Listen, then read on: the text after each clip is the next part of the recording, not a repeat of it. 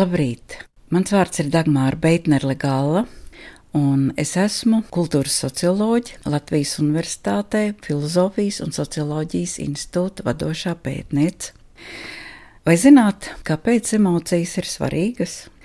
Jau krietni laika emocijas tiek uzlūkots kā absolūti esenciāls zināšanas socioloģijā, jo neviena darbība sabiedrībā nav izprotama bez emociju klātbūtnes. Jau pati sabiedrība ir emociju miedarbībā esoša sistēma. Cilvēka dzīve nav iedomājama bez emocijām. Emocija izpratne faktiski ir pārpildīta ar tik daudzām nozīmēm un visbiežāk pazemojošām.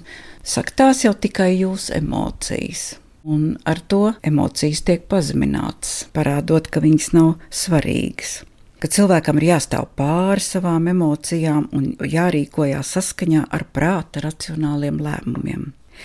Taču šāda lietu kārtība ignorē faktu, ka viss cilvēka darbības, lai sasniegtu savus mērķus, un arī pats prāts ir emociju vadīts. Visu mūsu vēsturi, visu mūsu cilvēciskā dzīve ir emociju vadīta. Un katra cilvēka Arī racionālā darbība ir balstīta emocijās. Ticībā, ka problēmas risinājums izdosies un nepieciešamībā pēc pārliecības sevī. Arī prāts apstiprina emociju klātbūtni, un bez tā nebūtu arī prāta. Jo kā gan bez mierīguma, drošības un pārliecības mēs varētu racionāli rīkoties? Bez atbilstošām emocijām, kas pamato un atbalsta saprātu, saprāts pārvēršas savā opozīcijā, neprātā. Emocijas ir sava veida valoda, kas nevienmēr ir formulēta vārdos, bet ir mūsu būtības izteicēja. Visas mūsu fiziskās darbības ir mūsu doma izpausmes. Jūtas attēlojās mūsu uzvedībā. Mēs nolasām ķermeņa valodu, mēs redzam šīs emocijas. Un mēs iemācāmies dzīves laikā izteikt savas emocijas tādā formā, kuras ģimene, kultūra un sabiedrība mums ir iemācījusi. Cilvēks piedzimst saviem vecākiem un iemanto pirmo pašizpratni ģimenē, un cilvēks vienlaikus piedzimst arī savā kultūrā mācās sevi identificēt un saprast no citiem un caur citiem cilvēkiem. Vispirms tie ir vecāki, tad bērnu dārza, skola, studijas biedri un tā tālāk. Mēs visi zinām Zigismundu Freida hrestomātisko izteikumu, ka mēs visi nākam no savas bērnības. Svarīgi ir pētīt un saprast vidi, kurā piedzimām un kas ar mums noticis bērnībā.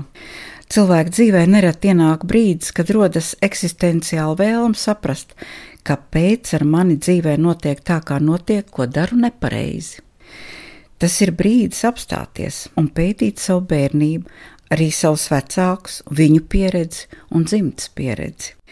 Strādājot ar dzīves stāstiem, esmu piedzīvojis brīžus, kad cilvēks stāsta savu dzīvi, un tā stāstot, atklāja, ka viņu dzīve atkārto kaut ko no vecāku vai dzimtas locekļu dzīves stāstiem.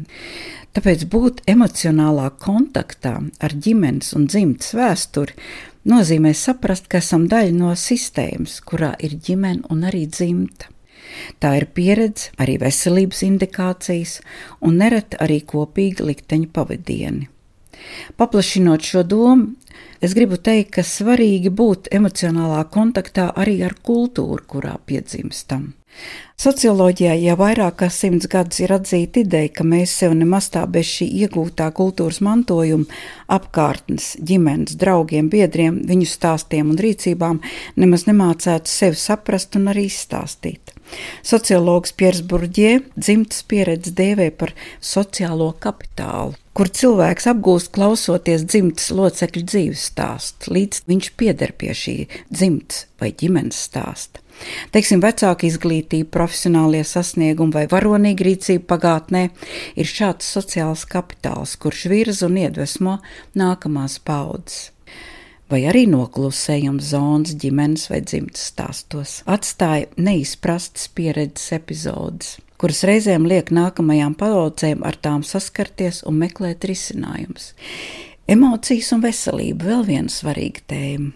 Mēs zinām, ka mediķi runā par psihosomātiku, cik tā ir nozīmīga. Un arī sociologi norāda, ka emocijas dzīvo sociālajās attiecībās. Tās veido noteikti emocionālo klimatu sabiedrībā. Sociālo burbuļu, personas ievelk vienā vai otrā noskaņojuma grupā un turpina sniega bumbas efektu veidā veidot dažādas kolektīvas emocijas. Latviešu sabiedrībā esmu ievērojusi, ir izteikti dominants lejupkrītošām emocionālām izpausmēm.